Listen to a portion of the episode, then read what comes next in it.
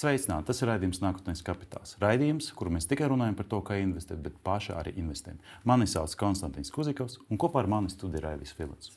Un šodien mums ir arī īpašais viesis - Zelts. Jo šodien mums ciemos ir Andris Arhipinka, tā veiks Latvijas valdes priekšsēdētājs. Kurš arī mums pastāstīs, kāpēc ir jāinvestē zelta. Bet pirms tam īsi kā parasti apkopojums par mūsu portfeliem, un Raivis tur mums pastāstīs, kā tad veids mūsu portfeliem. Sebrobo investors turpina savu uzvaras gājienu, plus 4,21%. Pasaules tirgos iet labi, ETF-iem arī iet labi. Konstantīnam individuālu akciju dēļ iet mazliet sliktāk, bet tāpat ir plusi 1,77%. Un mans portfelis plus mīnus stāv uz vietas, jo kriptovalūtas nav būtiski kāpušas, bet nav arī būtiski kritušas. Plus 3,05%. Nu tā, veicas, ka parasti labi. Roboti, cilvēki, kas nu viņiem noteikti uzvarēs arī nākotnē. Bet pirmais jautājums man ir ļoti vienkāršs. Kāpēc mums pēc jau trim gadiem ar investīcijiem vērtspapīrus, kurus mēs nekad īstenībā dzīvē neredzējām, jāinvestē zelta manta, reāla manta, ko mēs varam pataustīt? Uh, nu, šis ir ļoti interesants jautājums. Uh, nu, pirmkārt, tāpēc, ka ja jau ir virziens investēt, investēt. ir virziens vērtspapīri, akcijas, cik es saprotu. Tad arī jāpadomā, kā līdzsvarot, nedaudz sabalansēt savu portfeli un diversificēt. Un, zelts ir viens no veidiem, kā šo var izdarīt. Nav nekāds noslēpums. Zelts mūsu cilvēks vēsturē ir klātesošs nu, jau vairāk kā 5000 gadus. Un, šim metālam tādā attīstības, eh, cilvēks attīstībā ir eh, dažāda loma, un tā loma visu laiku bija mainījusies. Un eh, šobrīd mēs esam tādā punktā, ka zelta tirgus ir ļoti nobriedis pēc zelta standarta, ka, ka tā zeltam bija vairāk naudas funkcija. Mm -hmm. ja, šobrīd naudas funkcija kā tāda ir drusku aizgājusi vēnā, bet tas ir vairāk investīciju objekts un, un, un arī izēviela. Un, ja vispār runāt par, par, par zeltu, ir ļoti, ļoti svarīgi saprast, kas, kas tas ir un kur mēs viņu sastopam un kāda ir tā tirgus struktūra. Un, uh, man ļoti patīk uh, paskatīties drusku dziļāk, un tad tu saproti, ka nu, patiesībā zeltu mēs be, bez investīcijām katru dienu sastopam savā dzīvē, jebkurā mašīnā, elektronikā, medicīnā. Uh, un, un vēl simts dažādas nozares, kur zelts patiesībā tiek izmantots kā izēviela. Un tas arī īpaši izceļ šādu investīciju veidu, jo šim dārgmetālam ir tāda duālā daba un tirgu struktūra ļoti sabalansēta. Tātad rūpniecībā vai ražošanā faktiski 15% no katru gadu iegūtā zelta tiek izmantots tieši ražošanā. Mm -hmm. un, un tad mēs visi nu, faktiski, datoris, faktiski esam pastarpināti šī tirgus dalībnieki. Paši to varbūt neapzinoties tik ļoti labi. Uh, un, protams, tajā tirgus struktūrā ir citi segmenti. Ja? Vēl tuvāk mums, nu, varbūt parastam cilvēkam, ir juvelieru izstrādājumi, kas šeit mm -hmm Uh, ir uh, normāla lieta. Uh, protams, juvelieru izstrādājumu tirgus dažādās pasaules valstīs vai reģionos ir atšķirīgs. Ja, lielāko daļu no, no zelta pieprasījuma juvelieru izstrādājumu segmentē tā ir Āzija, kur, ir, kur tas ir saistīts vairāk ar kultūru, ar, ar tādām vēsturiskām vērtībām. Uh, varbūt rietumu pasaulē mazāk nu jau šobrīd, bet uh, pa lielam gandrīz 50% no visas patērētā zelta ir juvelieru izstrādājumi. Mhm. Un, uh, kopumā pārējais segments, kaut kādi 30 līdz 40%, tās ir centrālās bankas, kas mhm. ļoti labi vērtē zeltu un joprojām uzskata par svarīgu oficiālo rezervju sastāvdaļu, kā arī privātie un institucionālie investori tātad zelta stieņos fiziskā formā vai biržā tirgotie fondi. Bet vai vajag investēt tieši tādā fiziskā zelta? Jo, principā, jūs to es piekrītu, vienu no savām raidījumiem es arī stāstu par to labāk zelta nekā bitkoins. Tāpēc, es nezinu, kas notiks ar bitkoinu. Nav interneta, nav vērtības. Šeit vērtība ir mums kopā ar mūsu studiju. Bet no otras puses, vai tiešām man vajag fiziskā zelta investēt? Jo arī ir vesela kaudze ar ETF-iem kā es varu investēt zelta un, un sudraba. Vai varbūt ir daudz vērtīgāk investēt uzņēmumus, kas to visu saražo. Tāpēc, ka noteikti ar AI izmantošanu cilvēcībai būs vajadzīga vairāk jaudīgāku datoru jaudīgāki datori, vairāk patērēt zelta. Tāpēc skaidrs, šīs segments viņš ies. Bet vai, vai vajag fiziski, varbūt vienkārši virtuāli. Jo tas stāsts par to, ka vot vai, vai man vecmāmiņa stāstīja, ka kārš un to zelta, to, to gabaliņu vai, vai greidzinu apmainīt pret vienkārši kartupeļu, maizes gabaliņu. Tad tas uzreiz viss ar akciju principā es varu pacelties, aizbraukt aplikācijā, tur strādāt jebkur citur. Kāda ir tā vērtība? Ka... Tev pie tām akcijām jātiek klāt, ja sākas nopietnas karš, tā ka es pie bitkoiniem netieku, iespējams, tu pie akcijām netiec zelta. Es domāju, ka tu visticamāk, ar bitkoinu tu tiksi daudz vieglāk nekā es, bet arī, ja mēs paskatītos tās pats Interactive Brokers, viņš reģistrēts šeit, lai veidotu darbību Hungāri, bet īstenībā tas ir ASV uzņēmums. Un, un, un vismaz, ja mēs atgriežamies pie tā, kas notika pie mums kaimiņiem, pacelties un aizbraukt ar šādu smagu gabaliņu ir grūtāk nekā ar aplikāciju. Bet no otras puses, ja nav elektrības, tad telefona nekā nav. Bet jautājums tāds, kāpēc tieši fiziskais Jā. ieguldījums, nevis, nevis vērtspapīrs? Tas ir jautājums no otrā gala. Mm -hmm šādu gabalu vai šādu.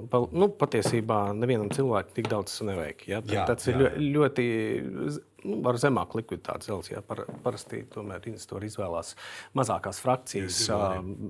Tas ir viens grāmatas un, un ļoti viegli. Un šeit pat nevajag klausīties, varbūt, uh, vecmāmiņas stāstus. Pietiek paskatīties pagājušo gadu. Un, uh, mēs arī to ļoti labi uh, ikdienā piedzīvojām, ka bēgļiem no Ukrainas ātrākais ceļš, kā tikt pie naudiņas, bija patiesībā pārdot šeit zeltu. O, Kas arī braucu, braucu šeit? Es runāju ar draugiem, un viņi teica, ka kartiņa strādāja. Kartiņa strādāja, kartiņām bija arī savi ierobežojumi. Ukraiņas gribnā jā, bija ļoti jā. sliktā, neapskaužamā situācijā. Faktiski mūsu darbības veids ir arī valūtas maiņa. Mēs mm -hmm. bijām uz pašu risku, mm -hmm. ļoti limitētā apjomā, bet piedāvājuši tās gribnas konvertāciju. Bet, protams, ar, ar, ar, ar to cilvēkiem arī nepietika. Un valsts vai pašvaldības palīdzība nu, tomēr bija nepieciešams laiks kaut kāds, lai to visu mm -hmm. juridiski sakārtot un saņemtu palīdzību. Tāpēc mēs jā, redzējām cilvēkus, ka, ka, kas nāca ar investīciju zeltu, un tas bija ātrākais ceļš, kā tikt pie naudas. Jā, ja tā vērtība nav, tas, tas ārkārtīgi situācija, tā vērtība paliek. Tas ir ļoti labi. Jā, bet, uh, bet atbildot... tas ir tas, ka investīcijas, bet nezinu, tur jābūt vienmēr daļa no kaut kāda jābūt skaidrai naudai, ja pēkšņi kas, un tad arī kaut kādam jābūt nevis skaidram, bet zeltam. Ļoti ciets drošības pilvens. Jā, jā, tas, kuru pagulēt grūti. Bet... Nezinu, vai šeit man ir vēl ko piebilst. Bet... Jūs jau paši atbildējāt. Nē, bet kā ir ar savu jautājumu? Bet, bet es paskaidrošu. Bet Konstantīns arī. Es drusku vairāk par, pa, paskaidrošu, kāpēc tiešām par tiem motīviem, kāpēc cilvēki izvēlās mm -hmm. fizisko zeltu. Tāpēc, ka pragmatisks cilvēks saprot, kā ir ļoti, ļoti svarīgi būt neatkarīgam no trešajām pusēm. Un, tā ir patīkama sajūta, ka tavs kapitāls faktiski nu, pie, piedalās arī tādā finanšu tirgu, tev tepat rokās. Un tu patstāvīgi izlemi, kad, ko, kur, kur viņu pārvietot, glabāt, transportēt. Tas, tas ir vienkārši un elementāri. Ja? Nu, tur jāsaprot, arī, kur 50 gramu zelta stieņas ir 3000 eiro. Apmēram. Ja šādu zelta stienīti pārvietot glabāt. Pārdot ir ļoti vienkārši jebkurā brīdī, jebkurā pasaules malā. Pie nosacījuma, ka viņu vērtība citur nesamazinās. Jo šeit ir kāds risks, ka mēs principā zinām, kur ir cena, bitkoina, vai, un mēs varam momentāli pārdot. Man ir bailes tā, ka es paņemšu, aizbraukšu, un tur man pateiks, jā, bet trīs reizes, kā visas filmas. Tu atbrauc ar to grēdzienu, nu nē, viņš ir tur neko nav vērts. Nu, kur ir, vai, vai ir kaut kāda standārta, kur es varu būt drošs? Ka... Ir jāsaprot, ka tas nav faktiski iespējams, ka kaut kur citur zelts maksā citu vērtību. Zelta cena ir biržas objekts. visi, visi ļoti labi zina to vērtību. Visiem ir viens benchmark, pret kuru arī salīdzinā. tas nozīmē, ka vienalga vai tu Londonā, Singapūrā vai, vai Vācijā. Arī, jo man šķiet, ka arī man tā skaitā īsti mm -hmm. nav skaidrs, nu, kā strādā šis starptautiskais benchmarks un viss. Jo, nu, teiksim, piemēram, uzņēmuma vērtība, tur, nu, ja mēs atgriežamies pie tām akcijām, tur ir nu, tā tad uh, investori novērtē uzņēmuma tagadējo un potenciālo kaut kādu vērtību. Un tad, kad ir sajūta, ka būs slikti, tad akcijas krīt, kad sajūta, ka būs labi, tad akcijas kā dažkārt nepamatoti, dažkārt tas balstās uz emocijām. Kā strādā šis zelta starptautiskās cenas? Jūs arī pa laikam gatavojot mūsu nedēļas apskatus, apskatos, cik tur maksā unce zelta un tā tālāk, un kā tas ir mainījies, piemēram, pret dolāru vai pret eiro. Mhm. Bet kas, kas to nosaka un kā tas vispār funkcionē šī vērtība? Lielākais zelta tirgus atrodas Londonā. Jā, ir uh, London Bullion Market Association, mm. LBMA, tāda asociācija, kas faktiski apvieno lielākos ražotājus, uh, tirgotājus visā pasaulē. Šī ir organizācija, kas uh, katru dienu uh, nosaka fiksēto cenu, ja, kuru arī izmanto uh, ļoti bieži tirdzniecības starptautiskajos uh, darījumos. Un, uh, protams, zelts pats par sevi ir prece, kurai tiek kotēta biržā. Un, balsoties uz šo rādītāju, arī visi pārējie tirgotāji tā mirklī nosaka tā vērtību. Mhm. Vai tas nozīmē, ka tā vērtība momentāli ir tāda pati Latvijā kā Londonā? Nu, ar kaut kādām tādām korelācijām, protams. Jā, noteikti arī mēs uh, savas cenas uzturam tiešā veidā piesaistot tam. cenai, un tās cenas mainās nu, ik mirkli, tur reizes desmit minūtēs. Tas ir Jā, protams, jā, arī dienas laikā mm -hmm. tā cena var būt absolūti dažāda. Jā, ir, diena ar lielām svārstībām, tad no rīta var būt dārgāk, vakarā var būt lētāk. Es jā. varu pie jums nopirkt Rīgā. Tāpat arī absolūti visur. Un, attiecīgi, ja es, ja es atnākšu uz nezinu, kur Spānijā, tad nu, cenas svārstības, protams, būs, bet viņi nebūs dramatiski. Viņi būs tur, tur, tur. Jā, aptuveni tā pati vērtība. Jā. Mm -hmm. Mm -hmm. Un, tad ir tas otrs, ir, ko, ko Konstants arī pieminēja, zelta ETF un citi digitālie veidi, mm. kā ieguldīt zeltā. Nu, tad manā kabatā, manā mājās, manā seifā nebūs šāds lielāks vai mazāks kucītis. Kā tas atšķirās un vai tur ir kaut kādas priekšrocības vai arī kaut kādi zaudējumi? um, Ja paskatīties uz tirgus struktūru, tad ETF īpatsvars kopējā zelta pieprasījumā katru gadu ir aptuveni 2-3%. Ja, mm -hmm. Kad fiziskais zelts ir aptuveni 30%. Mm -hmm. ja, tad šo arī jāņem vērā. Uh, ETF mēdz būt dažādi. Ir fondi, kuri tiešā veidā ir nodrošināti ar fizisko zeltu. Jā. Ir fondi, kuri ir dalīti vai, vai sastāv no zelta uh, iegūšanas uzņēmumiem. Ir arī tādi, ka faktiski neko nav nodrošināti vai, vai nodrošināti ar uh, citiem derivatīviem. Jā, tas ir ļoti tāds vairāk nākotnes līgumiem, un, uh, ka, ka, ka, kur faktiski nav nekāda seguma. Uh, protams, katrs izvēlās uh, to, kas ir uh, tuvāk sirdī. Ja, cilvēkam ir tieksme vienkārši spekulēt un, un, un lētāk nopirkt, dārgāk pārdot. Protams, var klikšķināt pogas, bet fiziskais zelts ir absolūti stāsts par kaut ko citu. Tur ir jāsaprot.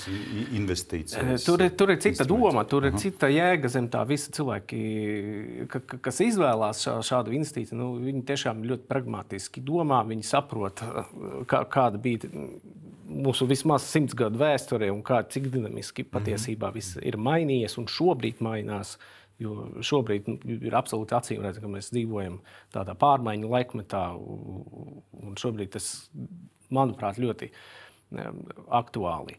Uh, es nezinu, varbūt tas būtu ļoti rupjš salīdzinājums. Mm. Zelts ir sava veida apdrošināšana. Tu faktiski Jā. tu tu pārvērtē, tu pārvērtē savu naudu uh, tādā aktīvā, kurš, kurš jā, ir svārstīgs.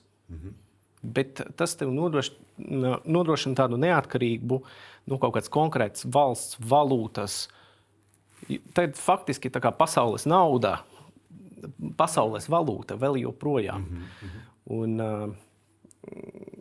tā to arī ir jāuztver. Jā, ka, ir iespēja daļu no savas naudas vienkārši tādā apdrošināšanas polisē turēt. Kur, protams, ir pašrisks. Pašrisks ir šajā līdzīgi kā mēs pērkam apdrošināšanu, ja mēs esam gatavi, ja notiek negadījums, mēs esam gatavi samaksāt pašrisku. Jā. Parasti, ja, izpildoties jā, kaut kādas apdrošināšanas. Tā pašā laikā, ja nenotiek nekas slikts, ja, mēs tās prēmijas maksājam un mēs viņus neatgūstam atpakaļ. Zelta gadījumā mēs pavisam noteikti nezaudējam savu vērtību. Mēs varam tikai vairot. Ja, ja mēs paskatīsimies 15 gadus atpakaļ, vidēji zelta cena bija kāpusi 8,5% nu, eiro izteikti. Okay. Ja paskatīties visas cietās un mīkstās valūtas, tad kāpums zelta cena bija druskuļi dažāds, jā, jo ir arī svārstības valūtu kursos, bet arī ļoti līdzīgi no 6 līdz 15% gadā. Tas ienesīgums. Mēs nebijām periodā, kad zelta aizgāja uz leju. Liek, kā, mēs nebijām nekāda perioda, nevienu reizi mums nebija tas vismaz pēdējos desmit gadus periods, kad tas ce, zelta cena nevis aug, bet samazinājās. Ja paskatīties tā, pēdējos desmit gadus, tā, tā, tā, tā vidējais svārstīgums gadā. Mm -hmm. Svārstīgums ir uh, 10%, 10 līdz 15%. Ir tas svārstīgums tas uz augšu, uz leju. Jā, tas ir svārstīgums. Uh, pēdējais tāds ļoti ievērojams kritums zelta cenai uh, bija, es varu kļūdīties, 2013. gads. Tas bija tas brīdis, kas, uh, kad ieslēdza lētās naudas jā. periodu, jā, jā. Un, uh, kas faktiski tolaik uh, noticis. Uh, pieprasījums pēc zelta joprojām bija ļoti, ļoti uh, labs patiesībā tas ir kāpis aptuveni 15% gadā fi, pēc fiziskā zelta. Mm -hmm. Bet tas kritums bija diezgan strauji, tāpēc ka tieši fondu daļa ETF bija vienā mirklī iepludināts tirgū. Un pārdots. Tas bija tāds pēdējais, un uh, dažu nedēļu laikā cena nosvērstījās uh, uz leju. Korekcija, korekcija bija aptuveni 30%. Ja mēs skatīsimies tādā Vēsturiski citus periodus tāds vērienīgākais kritums bija, protams, pēc naftas krīzes 70. gados, mhm. kur bija virkne problēmu gan ģeopolitisko, gan inflācijas ziņā, gan arī tas, kā mainījās vispār valūtas sistēma. Jo beidzot ASV ir izlēmusi, ka dolāru vairs nepiesaistīs zeltam. Mm -hmm. Un tā kā būtu jāizveido kaut kas jauns, kur kaut kā jāvienojas, kā kura valūta pie kuras ir piesaistīta ar kādu piesaistes veidu. Un, protams, arī naftas krīze ietekmē inflācija un, un, un, un bija ļoti strauji kāpums, ja bija neusticība tai jaunajai sistēmai. Un, arī jāsaprot, ka bija ļoti tāda un joprojām ir svarīga organizācija, kā Startautiskais valūtas fonds, kas uh, vēsturiski līdz tam brīdim izmantoja pirmkārt funkcionēšanai zeltu un arī turēja savā noliktavā rezervēs zeltu aptuveni, ja es pareizi atceros, ap 3000 tonnām. Un uh, vienā brīdī Startautiskais valūtas fonds arī bija izpārdījis faktiski pusi no savām rezervēm vēlāk arī turpināja to izpārdošanu, arī valstis, kuras uh, faktiski veidoja to zelta standartu, ir akumulējuši vēsturiski diezgan lielu mm -hmm. uh, zelta rezervju īpatsvaru un uh, pakāpeniski sāka atbrīvot savas rezerves no, no, no zelta. Tajā brīdī tas uh, īpatsvars bija par lielu, izņemot ASV, kur uh, ASV joprojām tur tikpat daudz, cik tas bija simts gadus atpakaļ. Uh, Un, protams, tas izdarīja spiedienu uz tirgu, jo centrālām bankām bija ļoti būtiski mainīt domāšanu sabiedrībā un novirzīt viņus prom no zelta, lai dabūtu to uzticību jaunajai sistēmai. Uh, bet tas laikmets ir beidzies. Beidzies uh, faktiski ar 2008. gada krīzi, kad uh, pasaulē saprata, ka kaut kas nav labi. Nu, kredīta nauda var būt ne tik ļoti laba un atkarība no ASV dolāra un viss kaut kā cita arī nav labi. Un faktiski no 8. gada centrālās bankas tikai palielina savas rezerves, kas varbūt nav ļoti saistīts ar Eiropu vai, vai ASV, bet citas pārējās valsts, to, tuvie austrumi, Āzijā, Krievijā, Dien, Dienvidamerikā un arī Āfrikas kontinentā ir daudz valstis, kas palielina savas rezerves. Īpaši, protams, Ķīna un Krievija. Jā. Jā, tās ir tās divas valstis, kas, kas šobrīd ļoti aktīvi palielina savas rezerves. Ja, pēdējos divos gados gandrīz 2000 tonu bija iegādāts. Tas ir viss vēsturē. Ja mēs atgriežamies pie, nāko, pie tagadnes, ja es nemaldos, bitkoins tev pat cik izauga no gada sākuma? Gada sākumā nu, dubultojās, bija vairāk kā dubultojās. À, bet nu, es nebiju pircis gada sākumā. Tā kā, bet, jā, labākais moments pazaudēs. Jā. Uh, es biju 500 indeks attiecīgi izauga par pēdējo reizi, ja nemaldos, kur 18%. Par zeltu runājot. No gada sākumā, uh, kāda bija tā tendence? Cik ir izauga? Ja, ja mēs jau ar rāvi investētu, nu, nopirkt kādu no šiem zelta gabaliem, cik tad aptuveni tā vērtība būtu jau tagad? Gada nu, beigās. Daudz un ilgi spēlēties, mm -hmm. kuru datumu mēs paņemsim, kāds kāds punktu. Jā, jā. Bet, bet, bet, bet, ko man ļoti negribās darīt, bet pa lielam šobrīd cena ir augstāka un rekordaugstākā līmenī. Mm. Tā Vispār, jebkāda, jeb, jebkāda, jā, drusciņi jau zemāk, neliela korekcija ir notikusi, bet tikko bija sācies uh, karš Palestīnā un Izrēlā, jā, protams, jeb, jebkādi ģeopolitiskie notikumi parasti mm -hmm. dod signālus tirgumu, un tas labvēlīgi atspoguļojas zelta cenā. Bet, nu, jāpaskatīties tā ļoti rupi no, no vasaras beigām mm -hmm. līdz šim brīdim, tad cenu kāpums ir lielāks par 15%. Ļoti stabili. Un, uh, absolūti nekorekti to salīdzināt ar bitkoinu. Es uzskatu, tāpēc, ka nu, tas ir roller coaster. Mēs visi ļoti labi saprotam, jā, tāpēc, tā, tā, tā arī ir tā priekšrocība zeltam, ka tas nav bitkoin. Runāt... Kaut gan ne, es neesmu skeptisks, skeptisks par bitkoinu, lai nerastos. Priekšstats, bet jā, tās divas lietas vienkārši nevar salīdzināt. Lai bitkoins eksistē, zelts ir vajadzīgs dators. Bet, lai eksistē zelts, bitkoins vispār nav vajadzīgs. Tā ir laba lieta.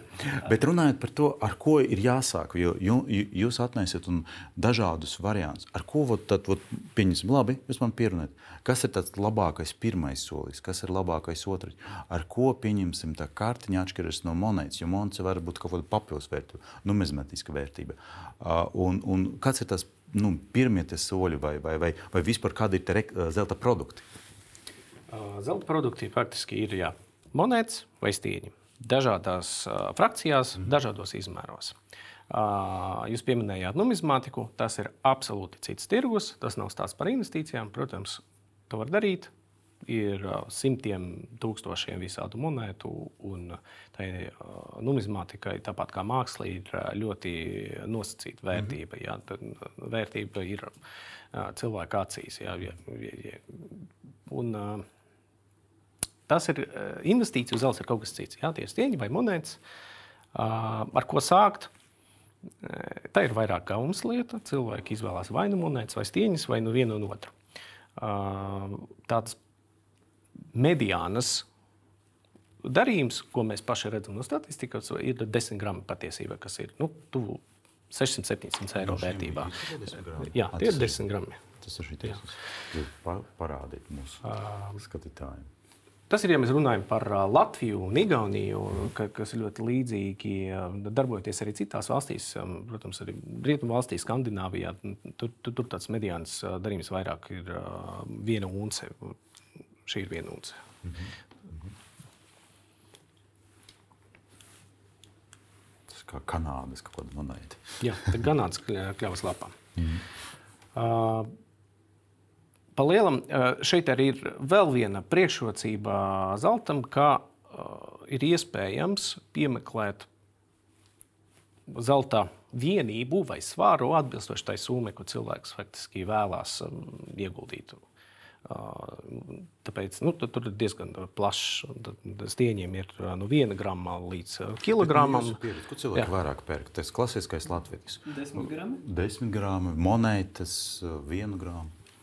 Uh, visbiežāk, kā jau teicu, mediāna tad, tad pusē, ah, pa, pa, pa vidam no, no, no visām transakcijām. Jā, tad, tas ir populārākais svars mhm. šobrīd. Mm -hmm. jā, bet, protams, ļoti populārs ir viens uns monētas vai stieņi.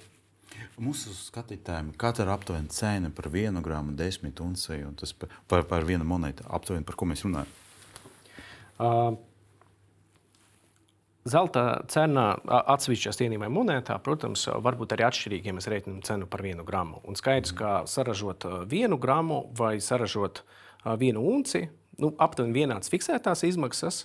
Līdz ar to tās fiksētas izmaksas atspoguļojas tajā spredā vai uzcinojumā uz, uz to monētu. Tāpēc izdevīgākā um, cena, protams, ir vienas unces monētā, vai 100 vai 50 gramu drusciņā augstāks tas uzcenojums ir 20 vai 10 grami. Šveicis ieņem mazs svars, tur viens vai divi ar pusi, pieci gramu ir salīdzinoši dārgi. Tāpēc mēs esam paši pēc savu pasūtījumu pasūtījuši diezgan izdevīgu un visiem pieejamu tādu produktu kā viens grams, ja, un, kur mēs saglabājam to, to spredu ļoti tuvu un līdzīgi kā vienas untas monēta vai 20 gramiem, tā lai arī cilvēkiem būtu iespēja ar absolūti nelielu uh, ieguldījumu, nelielu summu, iegādāties zeltu vai veikt tādus regulārus ieguldījumus, tad, kad tas ir nepieciešams. Mhm. Jums līdzi ir sudrabs. Ar ko sudraba šis lielais, lielais kvadrāts Konstantīns var skatītājiem pamēģināt pacelt? Ja tu spēj ar ko, ko nu, sudrabs, protams, ir lētāks, to mēs visi zinām. Varbūt nē, varbūt tas ir tikai juvelieru sudrabs. Kā, kā strādā sudraba tirgus? Kā, Patiesībā es paņēmu viņu, lai vienkārši parādītu. Nu, sudrabs arī ir dārgmetāls. Mm -hmm. Sudrabs arī var būt sava veida investīcija, bet uh, sudrabam ir uh, cit, nedaudz problēmas ar to, ka tas ir pārsvarā rūpniecisks metāls. Jā. Un, uh, līdz ar to arī tās cenu svārstības ir ļoti atkarīgas no tā, kā iet ekonomikā. Jo lielāka Nu jā, tāda tehnoloģija, jo, jo veiksmīgāk notiek ražošana, jo lielāka apjoma, protams, arī tas pozitīvi ietekmē sudraba cenu. Uh, un otrādi recesijas laikā. Tas ir Covid sudraba laika cena sudrabam samazinājās, bet zeltam uh, palika tāda pati. Jā, Covid laikā visi jau gaidīja inflāciju, un, protams, cena mm -hmm. jau sāka kāpt pirms tā inflācija patiesībā iestājās. Un, ko, ko es gribēju šo, pateikt, ka šeit ir aptuveni vienāda vērtība. Mm -hmm. uh, 50 gramu zelta un 3 kg sudraba. Un vienkārši var redzēt, nu, no investīciju viedokļa, protams, zelts ir labāks, jo viņš ir ļoti kompakts, ir augsts blīvums šim metālam un ļoti augsta vērtība. Jā, sudrabs arī ir ļoti foršs un labs, bet attiecībā uz glabāšanu drusciņš sarežģītāk. Mm. Tas aizņem daudz vietas.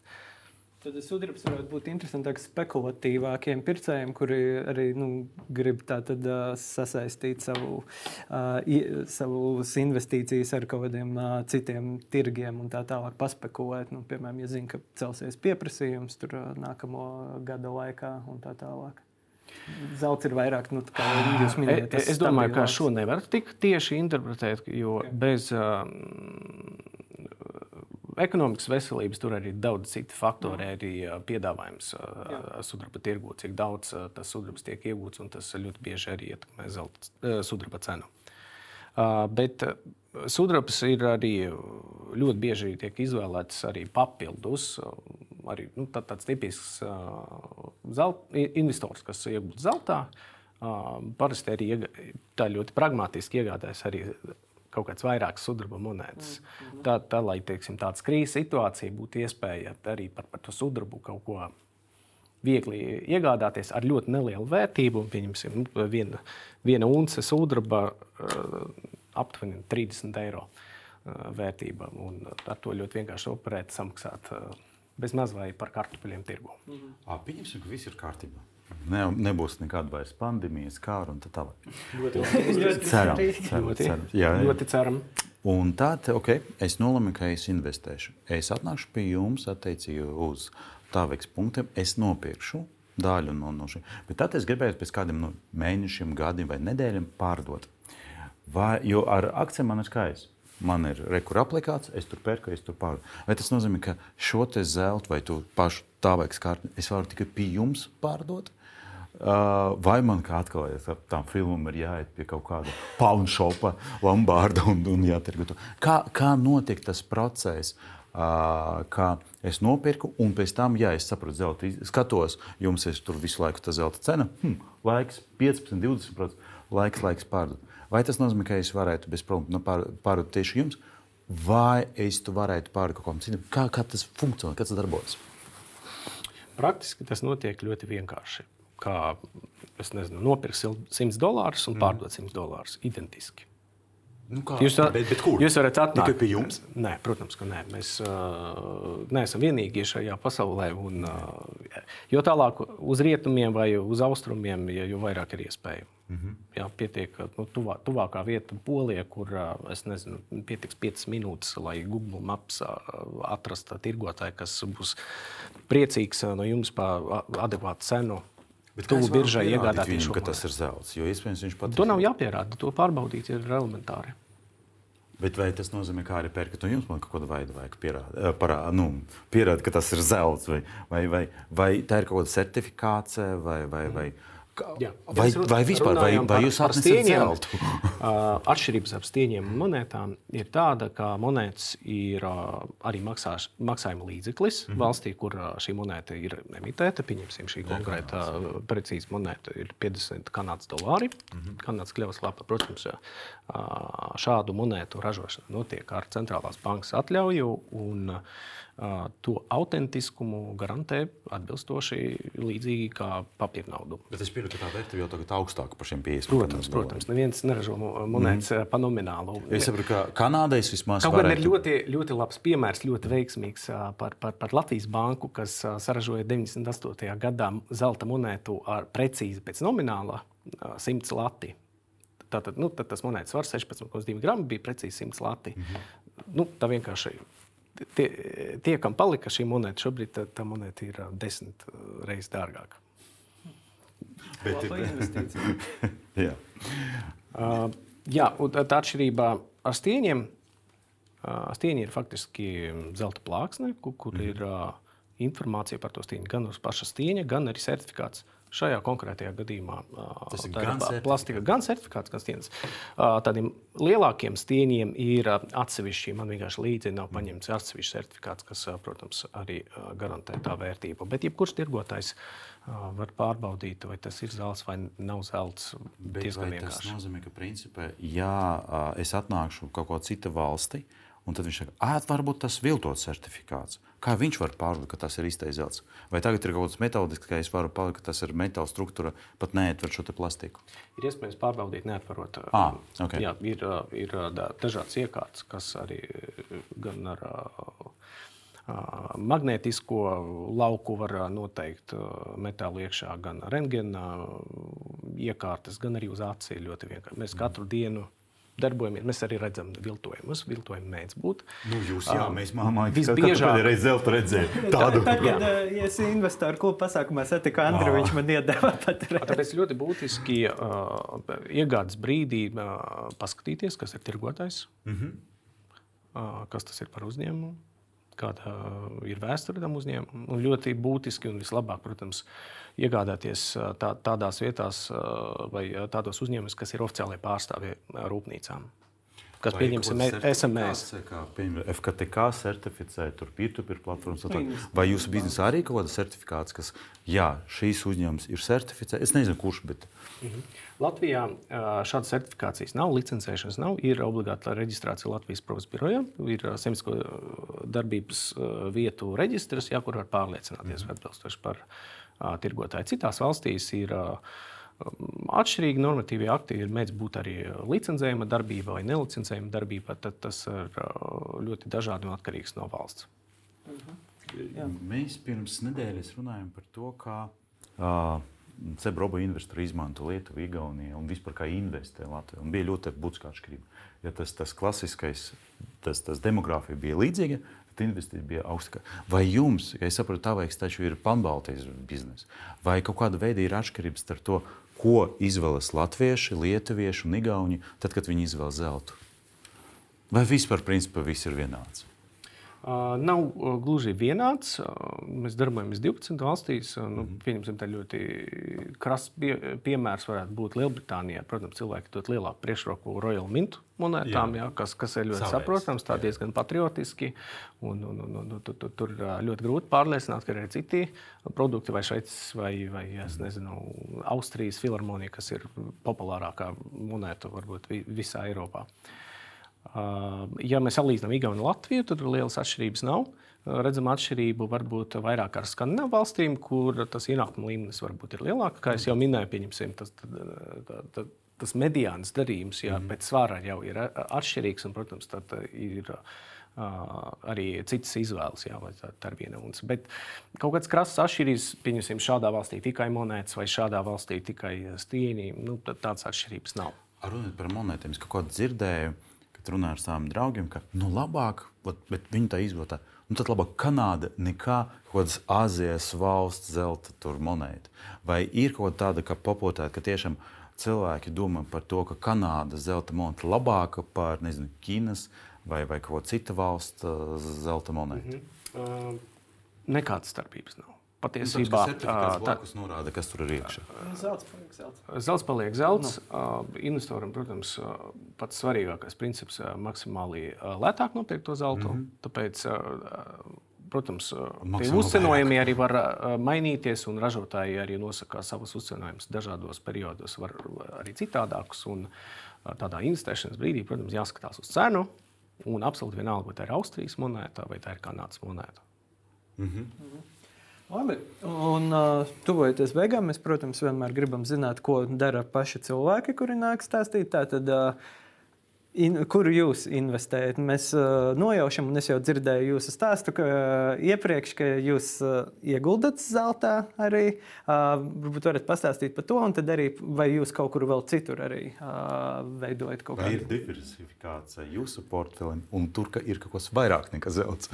jūs arī saviem bērniem zelta pērkat. Tie, tieši tā, un nav, nav grūti. Uh, saprast, kā man 15, vairāk kā 15 gadus darbojoties dārgmetālu tirgu, protams, es dodu priekšroku un ticu dārgmetāliem vairāk kā visam pārējām. Tāpēc tāds lielākais īpatsvars, protams, ir dārgmetālos. Bet tas nenozīmē, ka neko citu es nedaru. Es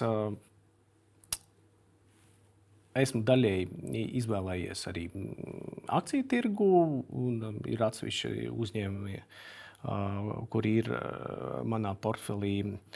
Esmu pavisam niecīgu daļu savu portfeļu tur arī kriptovalūtās. Kāpēc? Jo, man, protams, man ļoti interesē šī tehnoloģija, kā tāda, kura ir brīnišķīga, bet pats par sevi tirgus ir interesants bet, eh, protams, tie, tie riski eh, nav samērojami ar eh, manu apetīti. Tāpēc mm -hmm. es pavisam neesmu tas, kurš ir gatavs roma, ieslīgst romantiskajās jūtās ar, ar, ar šo interesanto pasauli. Esmu sevi mēģinājis pats mīt crowdfunding projektos, nekustamā īpašumu tirgu nu, kuriem pārsvarā visi bija veiksmīgi, izņemot divus, kuri bija neveiksmīgi.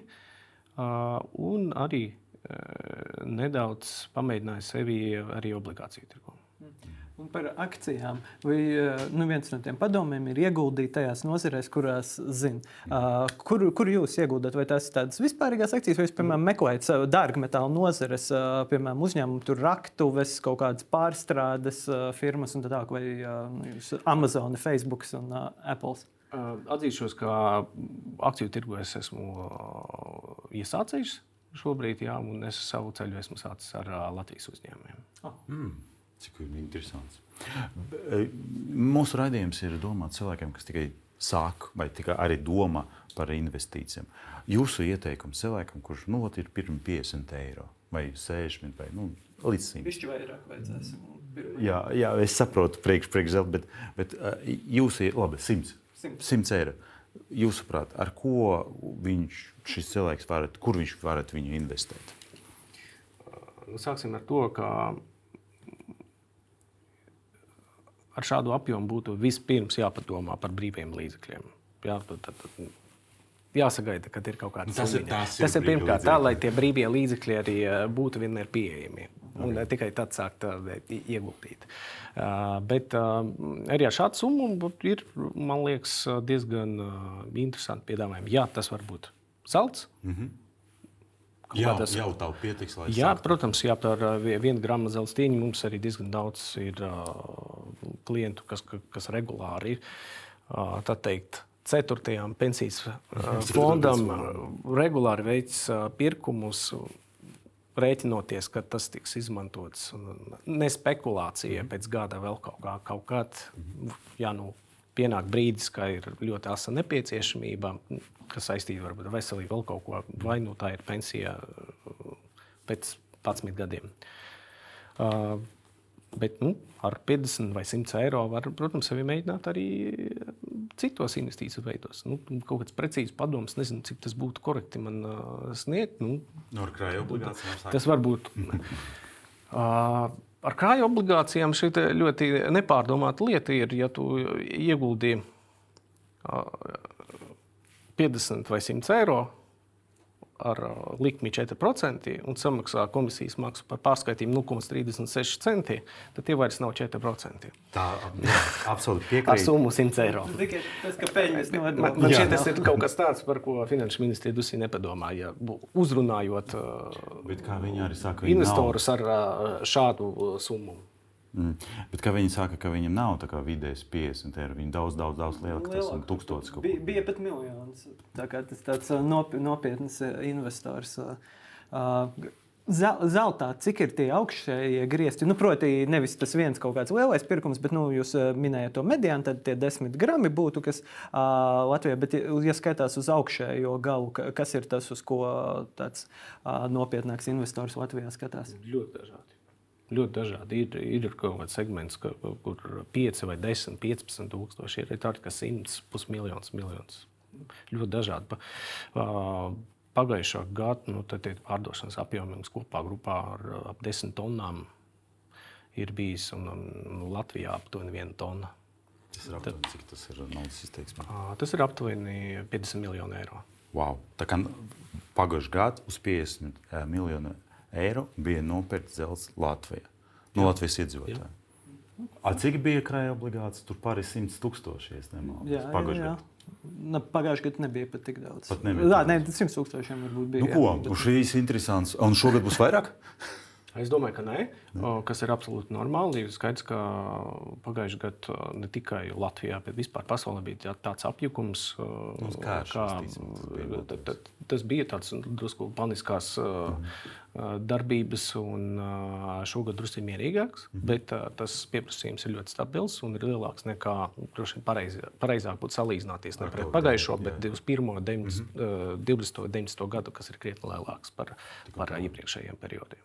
Nu, ko, uz tās ļoti labas nots par to, ka Kaut latvieši ir 50 miljoni, ko ieguldīt zeltā. Jā, un, un es saprotu, ka katram mājas ir jābūt vismaz vienam gramam. Zelta. Tad... Es gribētu papildināt. Jā. Man, mans pats eh, pašam tāds dzīves moto, es uzskatu, ka, nu, ja tu esi atbildīgs ģimenes cilvēks, nu, tad tev jāparūpējas, lai tad, nu, par ja vienai, pa vienai uncei uz katru ģimenes locekli. Nu, tad, tas no, ir tāds tas ir ļoti, tas ir ļoti labs mērķis. Jā. Protams, tas var būt 10, 5, 20 gramu. Bet, nu, mm -hmm. Tā ir tāda man personīga vīzija. Mm. Pat ja, ja tu neesi investors vai vispār skaties uz zelta drusku savādāk, kā tu apdrošināšanu, tā ir nu, ļoti pareiza formula. Man kādreiz tevs uh, nodrošināja tā, ka visi mūsu ģimenes locekļi ir par zelta monētu. tā kā visi iet uz priekšu. Jā. Paldies, jums, skatījums, ka bijāt kopā ar mums. Mēs šodien pārunājam par zeltu. Kopā ar mums bija Andrijs Arhipinka, Tāveiks Latvijas valdes priekšstājs. Un Raivis Vilnis, cilvēks, kurš joprojām tic bitkoinam, nekā zeltam, un es Konstantins Kuzika, kas ticu joprojām akcijiem. Bet es domāju, ka mēs arī drīz padomāsim par zeltu. Jūs varat skatīties šo raidījumu sociālajos tīklos, kā arī uzdot mums jautājumus nākotnes kapitāls ar delfu.clv. Nu, un tiekams jau pēc nedēļas pārunās par to, kā vēl var palielināt mūsu visu iedzīvotāju kapitālu. Paldies! Paldies! Paldies!